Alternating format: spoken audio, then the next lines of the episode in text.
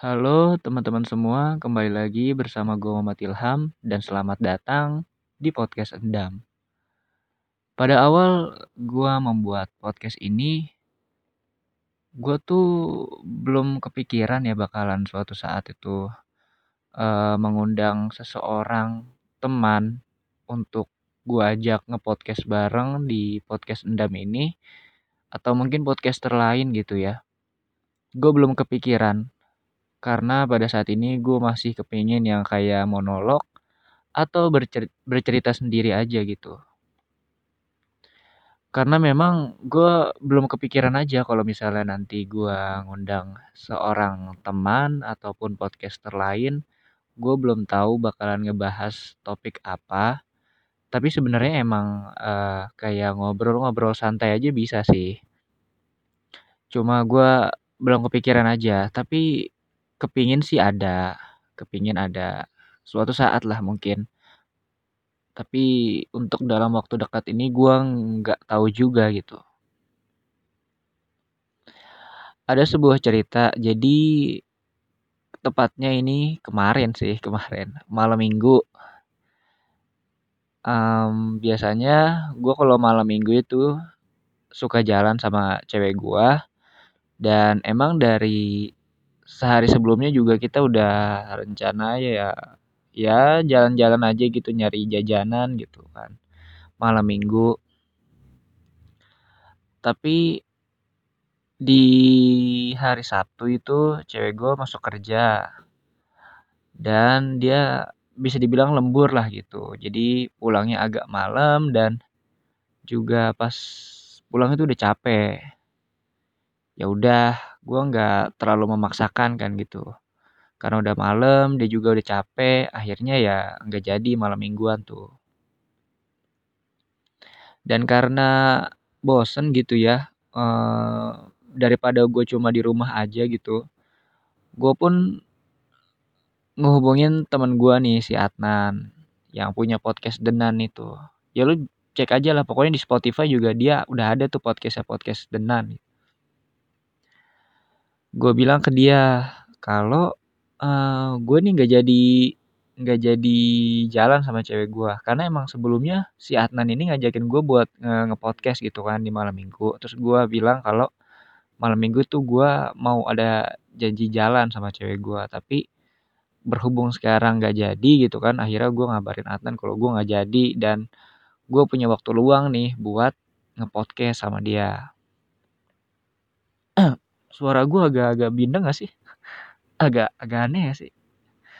Semoga aja enggak gitu ya. Dan ya udah kata Adnan ya udah. Terus dia juga uh, nyoba mastiin lagi kan ini beneran gak jadi? gitu kata dia. Terus gue bilang iya bener gak jadi. Soalnya cewek gue lagi capek lah gitu pulang kerja. Dan gue juga nggak pengen maksain juga gitu buat malam mingguan ya udah kata Adnan. Akhirnya jadilah tuh. Jam berapa ya gue berangkat ke sono? Ya sekitar jam setengah delapanan lah. Seperti biasanya gue sama Adnan itu ngebuat podcast di lagi-lagi di pos ronda gitu. Di pos ronda yang belakangnya itu sawah dan depannya itu kebun-kebun pisang gitu seperti yang udah sering banget gue jelasin gitu kan di awal-awal juga. Terus jadi gue sebelum ke pos ronda ini biasanya gue sama Atan itu janjian di Indomaret sebelum pos ronda itu. Akhirnya gue ketemu sama Adnan di Indomaret akhirnya kita jalan lah ke pos ronda ya maksudnya naik motor gitu naik motor. Aduh suara motor tuh. Jadi di jadi pos ronda ini tuh terletak di sebuah gang di se di sebuah gang gitu. Jadi kalau misalnya kita masuk ke gangnya itu pos rondanya tuh ada di ujung gitu di ujung jalan. Ya kayak tusuk sate gitulah pos rondanya ini jadi gue sama Adnan udah sampai di di gangnya nih. Pas mau masuk gue ngeliat dari kejauhan ada banyak orang lagi kayak ada acara gitulah gitu. Lagi entah acara hajatan apa gitu gua nggak ngerti. Pokoknya lagi pada duduk gelar tikar di jalan yang menuju ke pos ronda itu gitu. Akhirnya gue sama Adnan gue uh, akhirnya gue bilang sama Adnan nih Nanan berhenti nan gitu kan ada orang gitu kayak lagi ada acara gitu. Soalnya si Adnan ini sebenarnya udah duluan ada di depan gua gitu. Cuma berhubung dia matanya min gitu minus gitu dia nggak bisa ngelihat dari jauh gitu kan. Dia juga orangnya jarang pakai kacamata gitu. Orang udah udah minus gitu bukan pakai kacamata kok. Dan akhirnya kita pun mau terbalik mau terbalik akhirnya kita sambil jalan tuh ngobrol-ngobrol maksudnya ngomongin di mana ini kira-kira bakal bikin di mana kita? Akhirnya kita nyari-nyari lah uh, pos lain gitu. Sebenarnya uh, untuk uh, jalan akses menuju pos ronda itu kita bisa lewat gang di sebelahnya juga.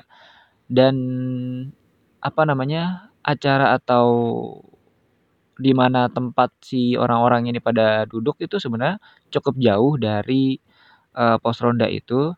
Cuma gua ngerasa nggak enak aja gitu kan karena ya pos ronda itu benar-benar di tengah-tengah gitu. Jadi kalau misalnya uh, dari jalan gangnya itu emang benar-benar kelihatan banget pos rondanya gitu. Gua nggak nggak enak aja sama orang yang tinggal di sekitaran gang itu yang lagi pada duduk ada acara itu gue nggak enak aja. Kalau kita duduk di pos ronda itu dan dan ngelakuin suatu gitu. Maksudnya bikin podcast di situ. Karena pasti kan mereka pada bakalan kayak ngeliatin kita gitu dan mungkin akan nggak nyaman dan gue juga nggak enak gitu. Akhirnya gue bilang ke Adnan dan memutuskan ya udah cari pos lain.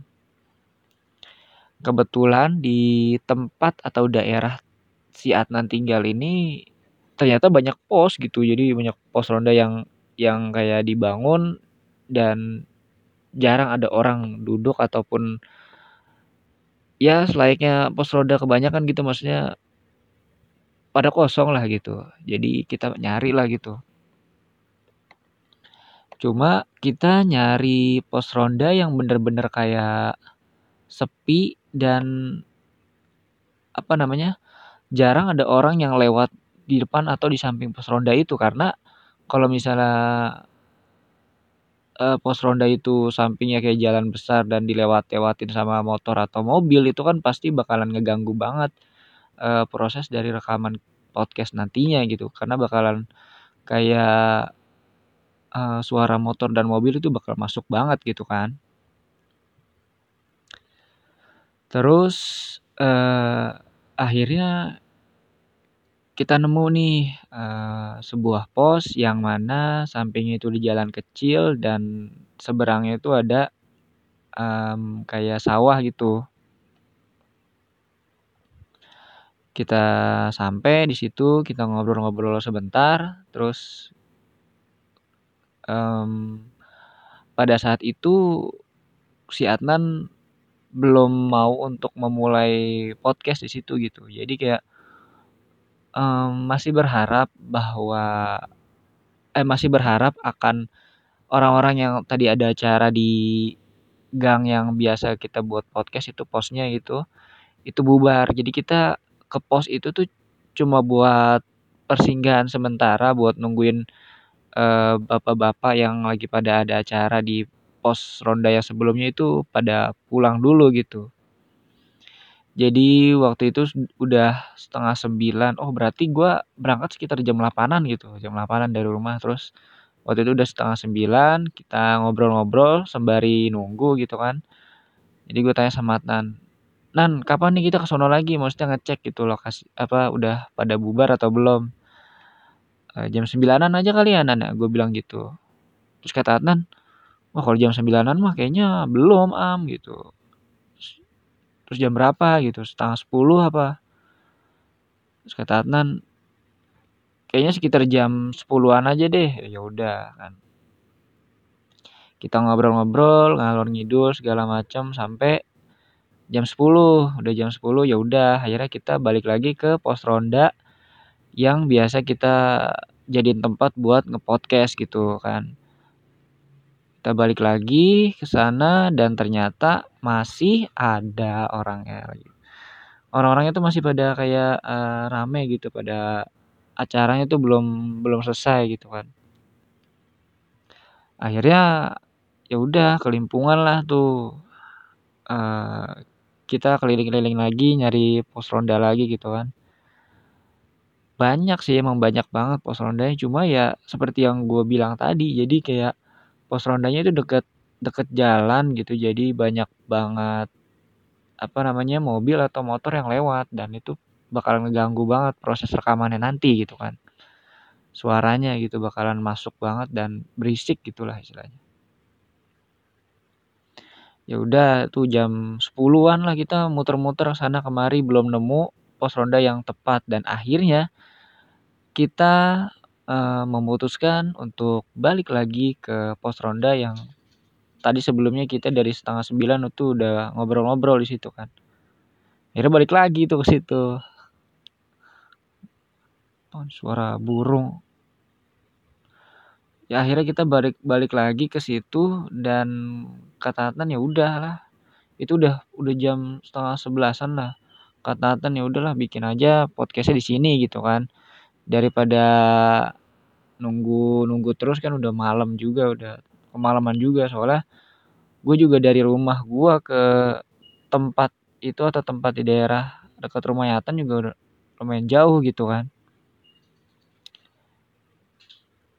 Terus akhirnya kita mulai rekaman dah tuh. Ternyata banyak banget gangguannya entah kayak motor lewat terus kayak orang ada yang lagi kayak bakar-bakar entah bakar apa tahu sate atau apa gue juga nggak tahu lah gitu. Terus juga di seberang kan, kan pos ronda ini sampingnya tuh jalan jalan kecil gitu jalan kecil. Terus samping jalan kecil itu ada sawah lah gitu. Dan di sawahnya sebelah sononya ujungnya gitu ada kayak lagi ada proyek gitu. Nggak tahu lagi bikin apa gitu. Pokoknya ada banyak truk segala macam dan itu baru mulai bangun gitu ketika udah sekitar jam setengah sebelasan. Jadi ya ya udah gitu maksudnya proyek itu lagi lagi lagi dimulai lagi gitulah istilahnya. Dan ya udah suaranya jadi bising di mana-mana. Baru Adnan baru mulai intro segala macam ada aja gangguan gitu kayak suara suara orang lewat naik motor terus kayak ya itu proyeknya baru mulai. Jadi suara truk lagi ya pokoknya selayaknya orang apa selayaknya ada proses pembangunan lah gitu. Gue juga nggak tahu itu bikin apa. Entah kayak gedung atau apa gue nggak ngerti dah. Pokoknya berisik banget lah tuh. Akhirnya ya udah. Jadi saat itu di malam minggu itu tuh nggak jadi nggak jadi sama sekali nggak nggak bikin podcast sama sekali lah pokoknya. Ah.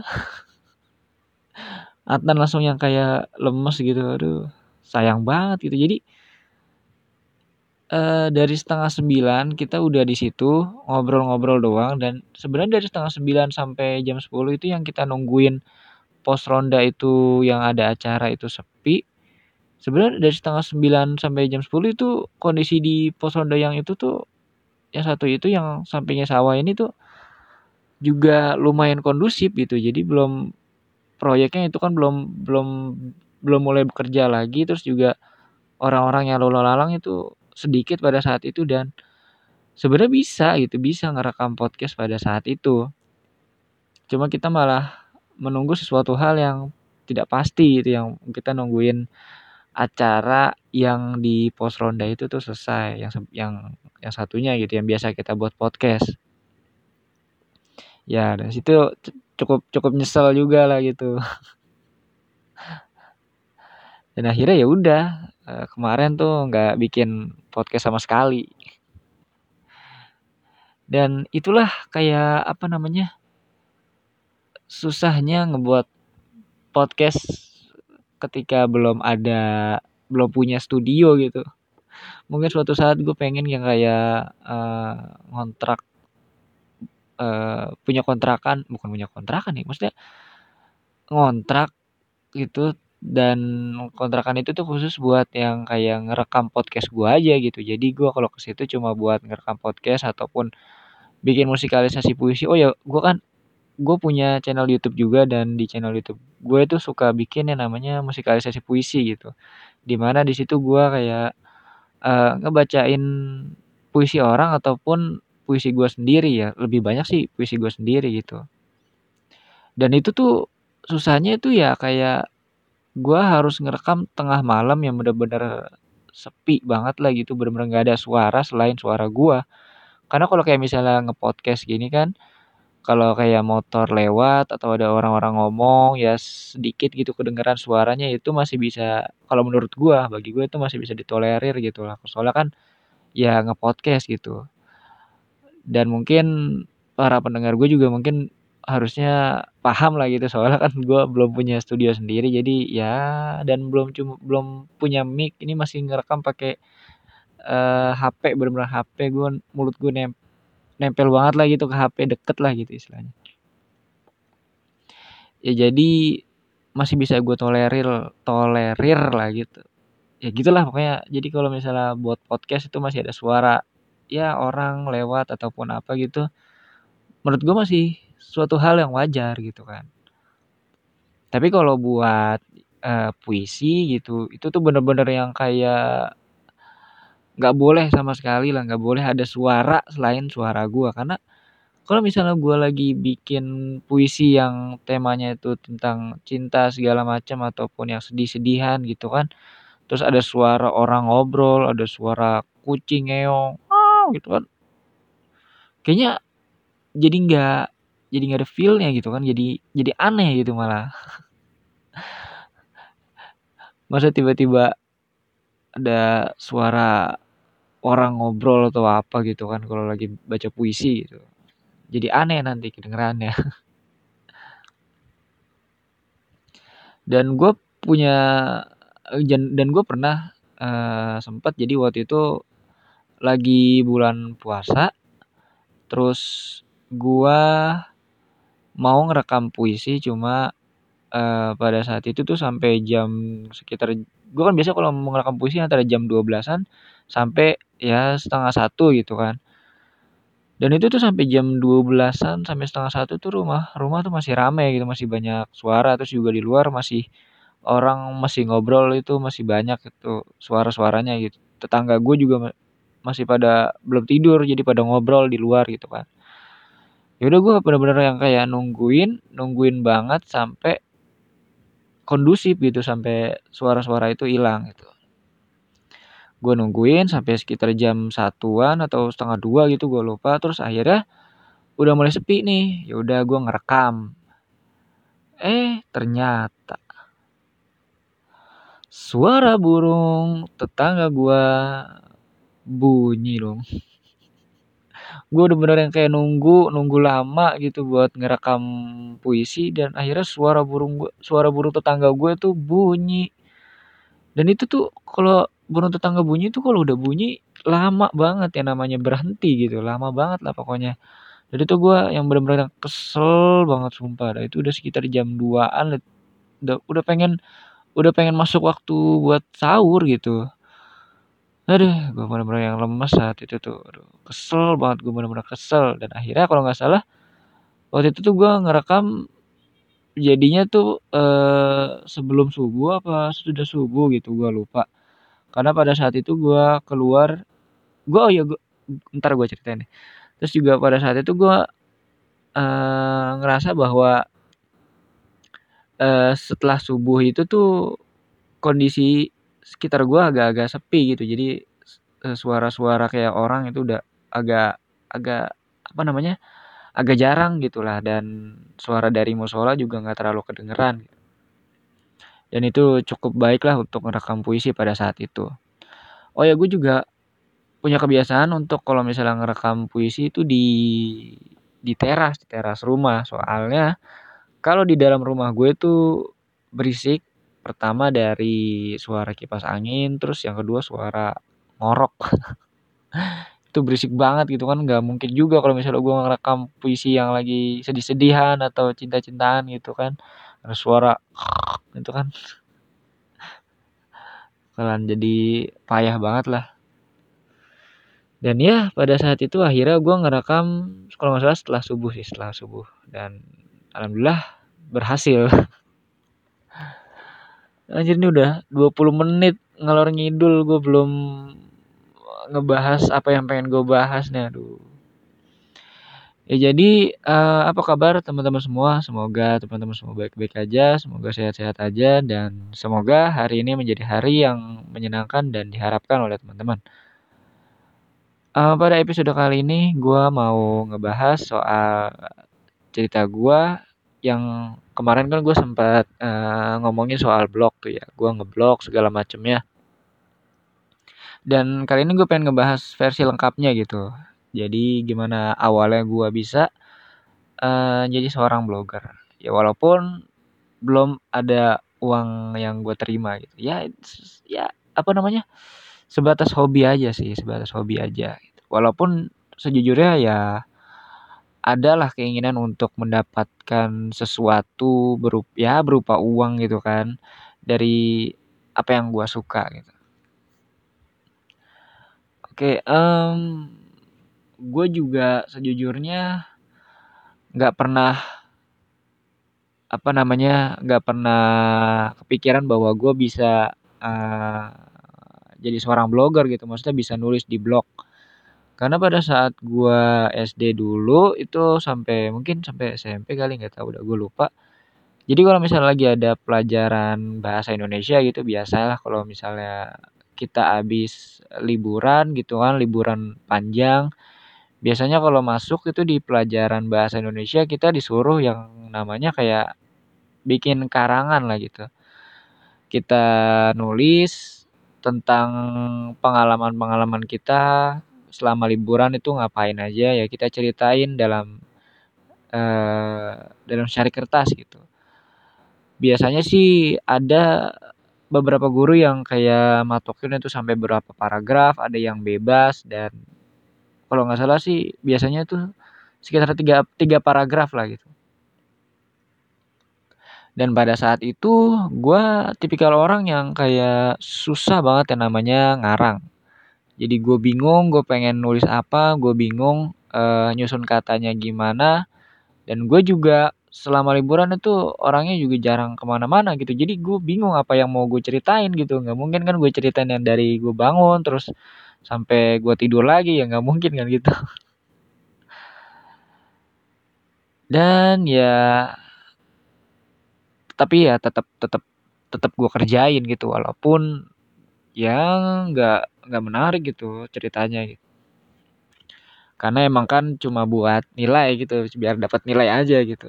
Dan gue apa namanya ada aja temen yang kayak dia tuh sampai kayak bikin cerpen gitu bener-bener bikin cerpen gitu. Jadi kan kalau misalnya kalau lagi disuruh bikin karangan gitu eh disuruh uh, nyobek dua lembar kertas dan kita di, disuruh nulis di situ gitu. Temen gue ini sampai yang bener-bener kayak dua lembar kertas itu penuh, bener-bener penuh, jadi kayak bikin cerpen gitu. Gue aja uh, nulis satu paragraf nyeritain tentang masa liburan gue aja itu susahnya minta ampun. Gue bener-bener kayak otak gue tuh ngebul parah gitu dan dia penuh bener-bener penuh itu dua lembar itu waduh berbakat sekali Anda untuk jadi penulis. Dan gue pada saat kecil ya kayak gitu. Uh, susah ya namanya untuk uh, mengarang. Jadi pada saat itu tuh gue nggak kepikiran banget ya namanya gue ketika gede gue bakalan punya blog dan nulis di blog. Karena pada saat itu susah banget gitu kan ya namanya ngarang. Lu juga pasti kan pernah lah gitu uh, disuruh ngarang sama guru bahasa Indonesia gitu. Kalau misalnya setelah liburan, gue biasanya lebih banyak sih kalau uh, ngarang itu gue ceritain tentang pengalaman gue di rumah nenek. Karena emang kalau setiap liburan ya udah ke rumah mbak gue ke rumah nenek gue yang ada di Jakarta itu. Fisik banget itu motor. Dengeran gak itu?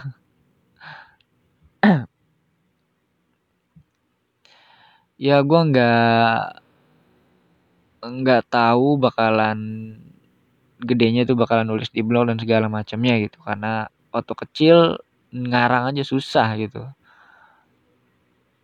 Akhirnya pada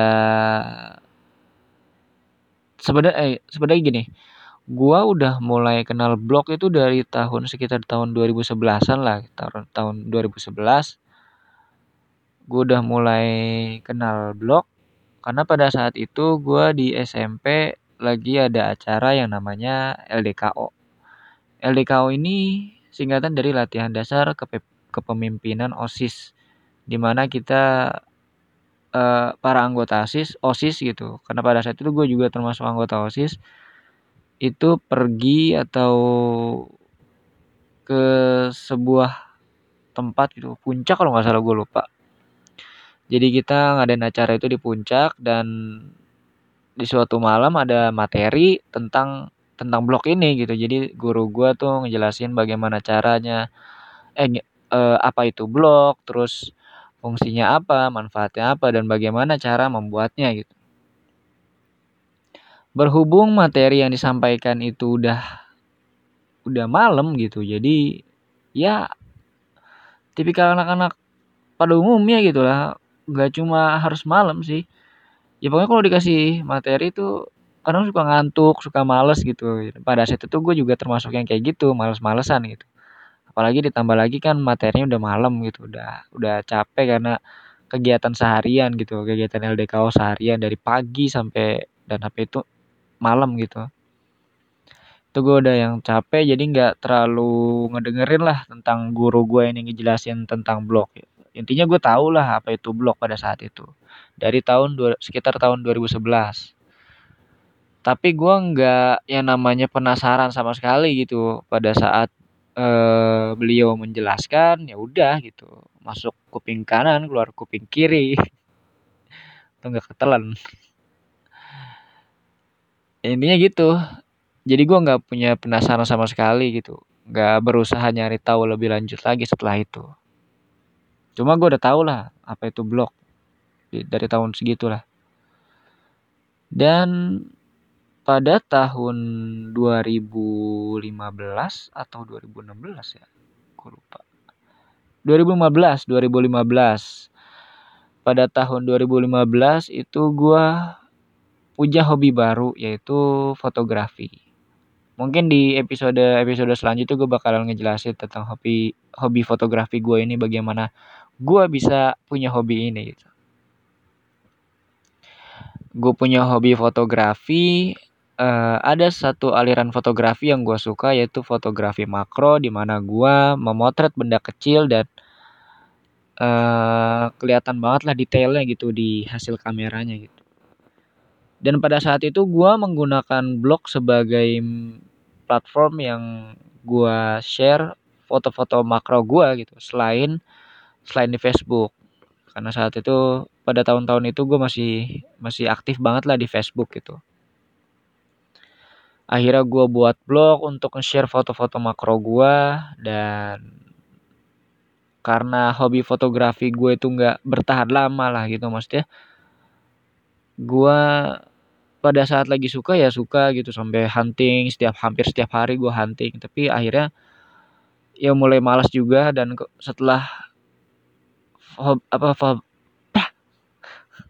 belibet banget sumpah.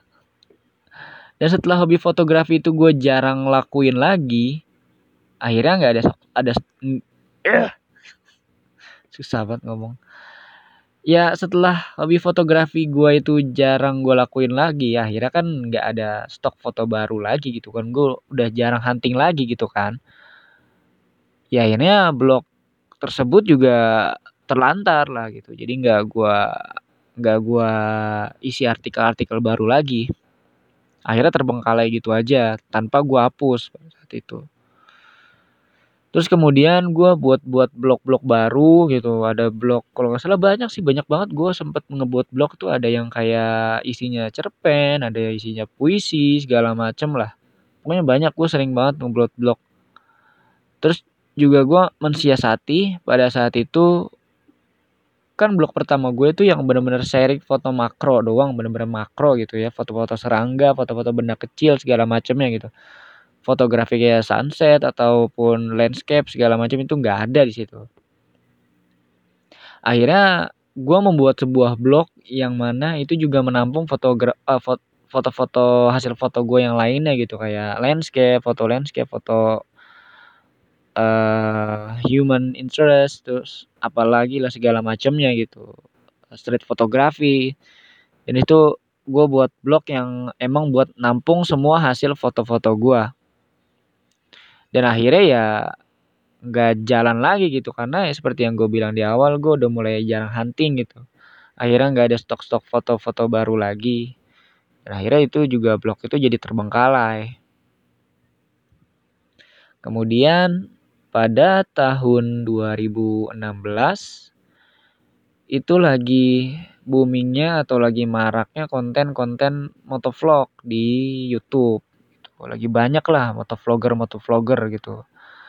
Motovlog sendiri itu adalah sebuah kegiatan ngevlog atau ya ngevlog gitu tapi di di atas motor gitu jadi pakai action cam atau kayak GoPro, Bipro uh, Xiaomi Yi dan lain sebagainya lah gitu. Jadi ditempelin di helm. Terus biasanya motovloggernya ini sebutan dari orang yang ngevlog di atas motor itu dia ngoceh gitu sepanjang perjalanan dia gitu di di ya jadi dia uh, ngoceh gitu sepanjang perjalanan dia di atas motor gitu. Dan itu pada saat pada tahun-tahun segitu antara 2016-an itu jadi sebuah konten yang cukup menarik lah di YouTube. Banyak juga tuh uh, YouTuber-YouTuber baru yang akhirnya dia bikin motovlog juga dan pada saat itu juga termasuk gua gitu.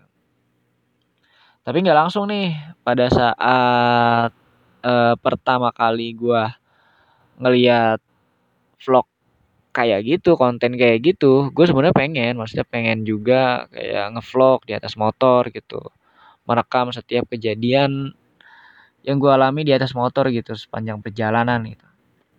Cuma pada saat itu gue belum punya action cam gitu kan ya. Akhirnya nggak tahu kenapa, padahal bener-bener jauh berbeda gitu ya.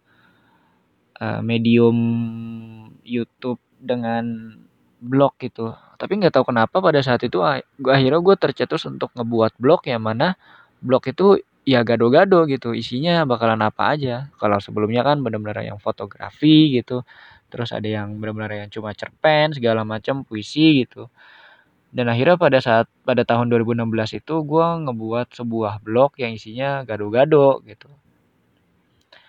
Berlandaskan keinginan gue menjadi motovlogger jadi kalau motovlogger kan ceritanya lew uh, bercerita lewat video gitu sambil ngerekam perjalanan dia di atas motor menggunakan action cam jadi dia ngoceh-ngoceh juga dan karena belum punya action cam gue di situ memutuskan untuk membuat blog dan uh, bercerita tentang apa pun yang gue alami di blog gitu.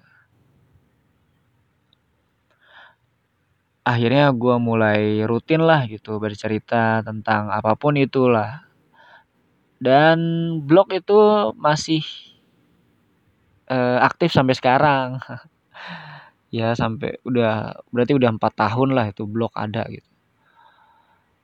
Dan kalau misalnya gue baca ulang uh, postingan-postingan gue awal atau tulisan-tulisan gue awal itu bener-bener yang apa kayak gue kayak berasa kayak anjir kok gue nulis nulis soal ini gitu rem receh banget gitu Cuma sebenarnya yang gue pelajarin selama gue ngeblok sih nggak nggak masalah gitu, nggak masalah kita nulis sesuatu yang receh gitu.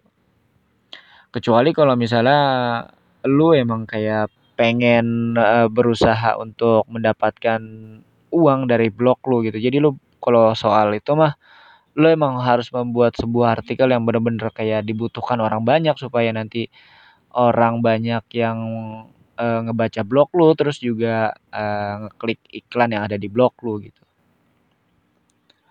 Tapi ya sel selama eh selama itu ya nggak apa-apa juga kalau bikin tulisan-tulisan uh, receh. Dan sebenarnya juga kan blog gue termasuk blog kayak blog blog personal gitu personal blog gitu blog pribadi gitu. Dan nggak masalah juga tuh bikin tulisan-tulisan yang receh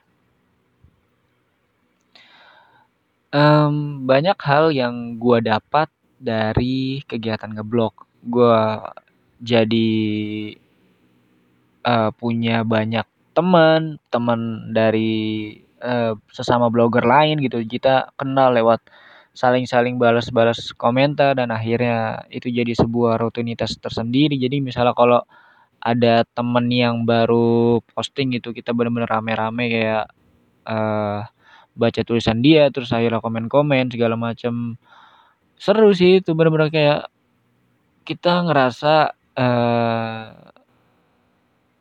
masing-masing dari kita tuh kayak satu frekuensi gitu. Jadi kayak bener-bener punya hobi yang sama dan senang aja gitu kita gabung segala macamnya dan juga gua nggak nyangka juga jadi sekarang ini gua di blog yang itu tuh blog yang gado-gado itu udah punya sekitar 500 tulisan lah. Eh sebelumnya gue mau ngejelasin dulu nih blog gado-gado itu apa. Jadi blog gado-gado itu ya lu tau lah gitu kan makanan gado-gado isinya tuh ada kayak uh, sayur-sayuran dan segala macamnya akhirnya maksudnya ada banyak uh, gado-gado tuh kayak campur-campur gitu lah jadi ya blog blog gado-gado ya istilah bagi blog yang uh, banyak hal gitu di dalamnya yang diceritain misalnya kayak ada tentang review film ada otomotif gitu segala macam jadi nggak nggak satu topik aja gitu dijelas apa yang artikel blog itu tuh nggak cuma ngebahas satu topik doang. Baik lagi yang ke tadi, jadi gue di blog ini tuh udah sekitar 500 tulisan lah yang gue yang gua buat gitu. Gue agak kaget juga sih sebenarnya, karena ya flashback dari yang dulu di mana gue disuruh ngarang uh, tulisan yang bercerita tentang semasa gue liburan aja gue susahnya minta ampun gitu. Dan sekarang jadi orang yang kayak nulis di blog dan blog itu udah udah punya ratusan tulisan gitu. Gua gua nggak nyangka aja gitu. Bisa sampai di titik itu gitu. tepuk tangan untuk diri gue sendiri.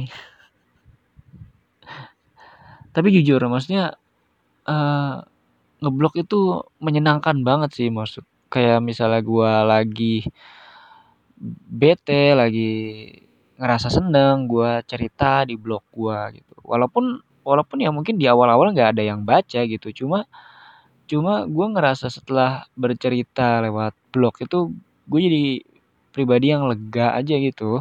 Kayak ibarat kata kita lagi kayak aja sama temen gitu kan. Dan gue ngerasa yang kayak plong aja gitu. Ya sama aja sama sama podcast ini sih. Sama podcast ini nih. Walaupun gue tahu mungkin di awal-awal belum ada yang ngedenger gitu kan. Cuma setelah gue bikin podcast ini setelah gue bercerita di podcast ini ya gue ngerasa kayak ya udah seneng aja gitu. Berasa lega aja. Dan mungkin eh, suatu saat ada yang bakal nanya kenapa podcast gue ini isinya ya cerita-cerita tentang ceri, ceri gue apa? Apa sih? Susah banget ngomong anjir. Ya mungkin suatu saat bakalan ada uh, kalian yang nanya, uh, kenapa podcast ini tuh isinya ya gue bercerita-cerita tentang diri gue pribadi mulu gitu ya. Karena ya seperti, uh, tujuan gue nge-podcast di awal-awal di mana gue mencoba untuk, uh, bercerita lewat medium yang berbeda gitu, di mana tadinya di blog sekarang gue pengen mencoba untuk bercerita di podcast yang yang mana ya gue bercerita lewat suara gitu. Gue bercerita secara langsung kayak gue lagi ngobrol gitu sama kalian para pendengar gue gitu. Dan itulah hal-hal yang bisa kita dapat kalau misalnya kita ke blog. Yang pertama ya yang tadi gue bilang uh, bisa melatih kita dalam menulis gitu. Tentu saja itu tentu saja kan. Terus yang kedua kita bisa punya banyak teman dan kalau nggak salah gue pernah gue pernah baca sebuah artikel di blog yang mana dari pertemanan lewat blog akhirnya dua blogger itu yang cewek cowok ini itu menikah dah kalau nggak salah. Itu benar-benar wah. Dan itu manfaat yang ketiga. Dari dari blog kita bisa ya hoki-hokian sih. Kita mungkin aja bisa mendapat mendapat apa jodoh dan hoki-hokian sih. Terus juga um, kebanyakan sih emang maksudnya teman blog gue itu rata-rata ya sama kayak gue blognya blog gado-gado blog personal gitu. Dan mungkin uh, bagi orang yang mungkin belum tahu memangnya apa sih menariknya dari membaca cerita orang lain atau pengalaman hidup orang lain? Justru uh, pengalaman hidup orang lain adalah sebuah pembelajaran yang sangat-sangat sangat baik menurut gue gitu. Jadi kita bisa uh, dengan kita tahu apa pengalaman hidup seseorang itu seperti apa gitu. Jadi kita bisa belajar. Dan kalau misalnya dia apa namanya mengalami sebuah hal yang tidak baik gitu kita bisa uh, mengambil contoh. Maksudnya dengan sebuah pengalaman yang tidak enak yang pernah mereka alami kita bisa jadi punya pembelajaran bahwa nggak jangan nggak nggak begini nggak begitu ya. Pokoknya gitulah intinya. Intinya banyak pelajaran yang bisa kita ambil dari pengalaman hidup seseorang. Dan itulah kenapa personal blog itu sangat-sangat menarik walaupun kadang isinya cuma ngeceritain tentang kesehariannya tentang ya curhat-curhatannya gitu. Tapi tapi ya bagaimanapun pastilah ada aja pelajaran yang bisa kita ambil dari situ gitu.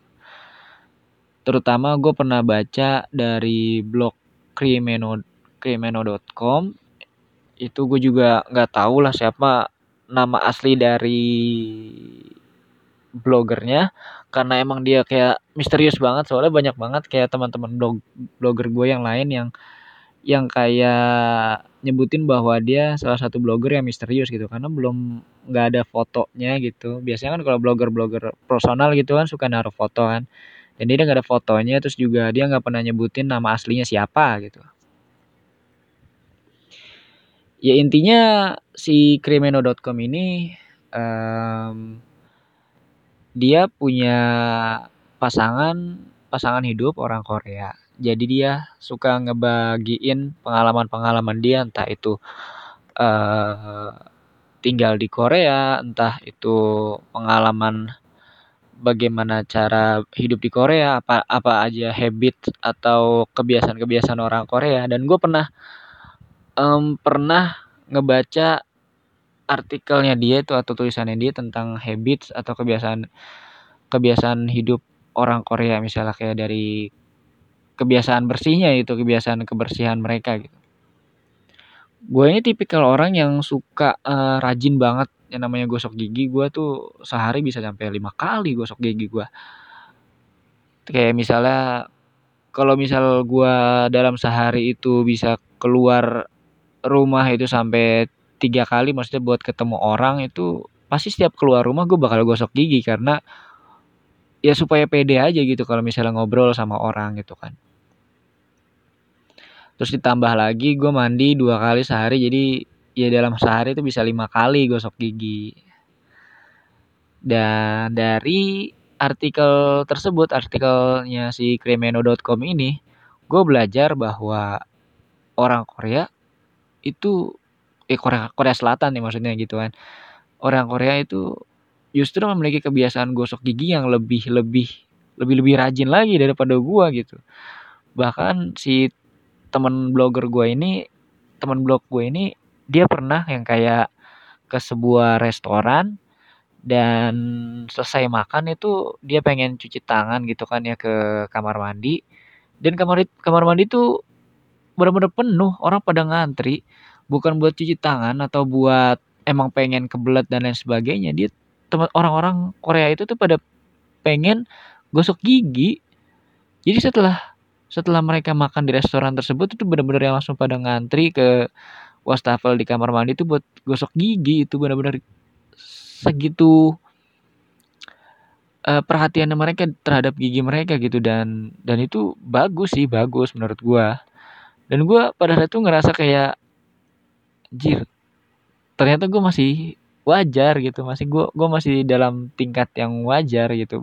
Masih banyak di luar sana orang-orang yang yang lebih ekstrim lagi gosok giginya dibanding gue gitu. Lebih rajin lagi gitulah terus juga ada kebiasaan mereka yang kayak um, selalu mencuci handuknya setiap sekali pakai selalu mencuci handuknya setelah sekali dipakai gitu. Kalau kita kan biasanya langsung di sekali pakai langsung dijemur gitu kan dan mereka itu benar-benar yang kayak langsung ganti langsung yang baru dipakai itu langsung masukin eh, mesin cuci buat dicuci gitu. Wah itu ya itulah. Jadi apa namanya kita bisa mendapat banyak pelajaran walaupun dari personal blog. Dan seperti yang gue bilang dia kan dia punya pasangan orang Korea jadi dia sering kayak apa namanya curhat uh, ternyata memiliki pasangan Korea dan hidup di Korea itu nggak semudah yang kita lihat di drama-drama gitu. Kadang kan kalau misalnya kita ngeliat di drama banyak kayak cewek-cewek yang kayak opa opa gitu. Pengen nikah sama opa segala macam. Dan teman gue ini yang kayak men nggak nggak se nggak semudah itu gitu. Dan dia ya itulah manfaat dari blog gitu. Jadi kita bisa men lebih menambah jadi punya wawasan yang lebih lah gitu terus um, gue juga punya blog favorit yang di mana gue sering banget mampir ke blog itu sering banget baca-baca artikelnya tapi sayangnya uh, blogger atau pemilik blog tersebut sudah meninggal. Blog itu bernama sik s h i q q 4.wordpress.com gue nggak tahu kenapa gue selalu nyaman untuk ngebaca tulisan-tulisan dia karena emang dia orangnya jujur gitu apa yang dia tulis ya ya jujur gitu ngalir aja gitu. Dan itu sangat-sangat menyenangkan. Dia juga bisa membuat sebuah ide yang sederhana jadi tulisan yang sangat sangat menarik untuk dibaca gitu. Contohnya aja dia pernah uh, nulis tentang dia memandang langit segala macam itu kan sesuatu yang yang yang sepele banget gitu kan yang receh banget gitu kan. Tapi dia bisa mengubah ide yang biasa itu jadi sebuah tulisan yang menarik untuk dibaca termasuk menarik untuk dibaca oleh gua. Dan gua belum sempat yang namanya saling balas komen gue belum sempat yang namanya kenal dari pemilik blog itu dan gue menemukan sebuah postingan terakhir di blog itu yang mana itu ditulis oleh adiknya kalau nggak salah. Jadi dia memberitahukan atau menginformasikan kepada para pembaca dari blog kakaknya bahwa kakaknya telah meninggal dunia. Ya gitu. Soalnya eh, sik4.wordpress.com ini termasuk blog yang udah udah cukup banyak eh, pembacanya gitu. Dilihat dari komen-komenan di setiap artikel yang dia buat tuh bisa sampai ratusan gitu. Ya wajar lah adiknya kayak uh, menginformasikan gitu kan. Ya supaya pembacanya tuh nggak nggak nyariin gitu. Itu blog blog blog favorit gue sih. Bahkan ya sampai beberapa waktu lalu gue masih sering bacain gitu karena emang emang menarik gitu tulisan dia benar-benar bagus lah gitu. Itulah manfaat yang bisa kita dapat dari ngeblok yang yang gue rasakan sampai sekarang ini. Dan untuk sekarang ini gue lagi jujur aja lagi jujur aja gue lagi jarang ya e, nulis di blog. Sebenernya e, beberapa waktu lalu gue sempet nulis juga tuh tapi belum selesai gue masih ngegantung gitu masih ngulur-ngulur waktu gitu. Emang dasar. Dan dalam dalam kegiatan ngeblok gue pernah yang namanya rajin banget. Gue pernah namanya raj, eh, rajin banget bahkan sampai gue niatin di diri gue itu sehari harus selalu ada tulisan baru. Dan pernah malah di satu titik gue sehari itu bisa sampai lima tulisan. Dan itu rekor banget sih maksudnya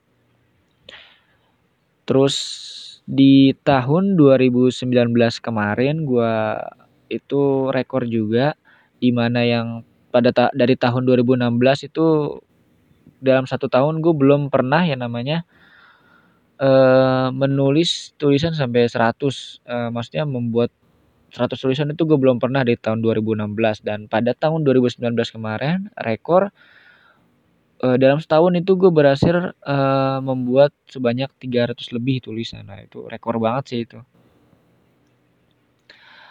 Dan di tahun 2020 ini malah nurun banget. gue bingung ya dari maksudnya awal awal-awal dua tahun 2020 kan kita dilanda virus corona gitu maksudnya yang membuat gue lebih justru lebih banyak waktu luang. Dan seharusnya itu bisa gue pakai buat nulis di blog tapi ternyata malah enggak gitu. Gue bener-bener yang kayak nggak nulis sama sekali gitu. Jadi 100 100 tulisan aja di tahun ini gue belum belum nyentuh sama sekali. Bahkan 50 50 tulisan aja belum gue belum nyentuh sama sekali. Padahal padahal bentar lagi udah udah sampai di penghujung tahun gitu kan. Sekarang udah alhamdulillah bertahap. Ya padahal sebentar lagi kita udah sampai di penghujung tahun gitu kan. Ini udah bulan November. Dan mungkin nanti uh, di penghujung tahun nanti gue bakalan cerita ya tentang tahun 2020 ini kita kita flashback flashback lah gitu. Soalnya banyak hal yang yang terjadi di tahun 2020 ini ya ada juga hal-hal hal-hal menyedihkan lah gitu gue bakalan cerita dan mungkin bakalan panjang lah podcast gue nantinya di episode itu. Ya itulah uh, perjalanan gue ngeblok dari yang gue pas kecil disuruh uh, bikin karangan tentang bercerita masa liburan susah sampai sekarang yang gue udah bisa menulis di blog sampai sebanyak 500 tulisan lebih udah udah ngebuat 500 tulisan lebih lah di blog. Ya itu bis, e, mengartikan bahwa setiap orang bisa mengalami sebuah bertumbuh, setiap orang bisa berubah, setiap orang bisa berproses dari yang tadinya mungkin kelihatan yang mustahil untuk dilakukan orang tersebut dan mungkin di kemudian hari dia malah jadi sesuatu yang ahli dari di bidang yang tadinya dianggap mustahil gitu. Jadi di dunia ini nggak ada yang namanya nggak mungkin selama kita nam, e, masih berusaha, selama kita ada niat untuk jadi lebih baik itu nggak ada yang nggak mungkin lah gitu. Wah, udah udah lama juga nih gua ngepodcast. Wah, ini kayak rekor nih. Gue biasanya kalau ngepodcast ya sekitar setengah jam doang. Ini udah udah udah hampir sejam dong. Sebenarnya malam ini tuh gua ada niatan buat ngepodcast juga sama si Adnan. Uh, gua apa namanya mau ngajak tadinya mau ngajak si teman gue Jono juga yang pada saat itu bercerita pengalaman horor jadi gue kembali pengen ngajak dia ke podcast Denan tuh pengen cerita-cerita soal perbucinan gitu. Ya gue pengen cerita gitu soal bagaimana kisah-kisah bucin gue waktu dulu sama mantan gue karena emang uh, gimana ya? Setiap uh, setiap laki-laki pasti bakalan uh, ada di fase di mana dia bucin parah gitu sama cewek yang dia suka sama cewek yang dia cinta gitu. Pasti ada dan gue sebelum ngajak teman gue si Jono ini gue juga sempet mm, uh, nanya ke dia gitu kan. Ada nggak? Maksudnya dia pernah nggak ngalamin kayak dia sampai di titik di mana dia ngerasa bahwa anjir kok gue ngelaku ngelakuin kayak gini gitu? Maksudnya sampai sebucin ini gitu. Ternyata ada dan tadi dia lagi nggak bisa itu di malam ini lagi nggak bisa ya udah akhirnya sampai gue pengen nunggu sampai dia bisa dulu gitu. Ya kalau misalnya nanti udah eh, rekam terus juga udah diupload sama si Adnan gue bakalan mungkin ya lu sering-sering aja mampir ke podcast Denan nantinya.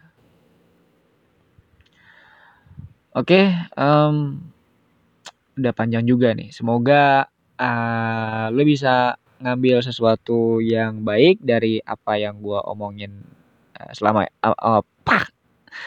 Pokoknya semoga apa yang gue omongin dari awal sampai hampir sejam ini semoga ada sesuatu yang bisa lu ambil semoga ya lebih-lebih bisa menghibur waktu luang lu lah uh, jadi lu bisa ngedengerin podcast gue nih sambil kayak tiduran tiduran santai ataupun sambil ngeteh ngopi segala macam gitu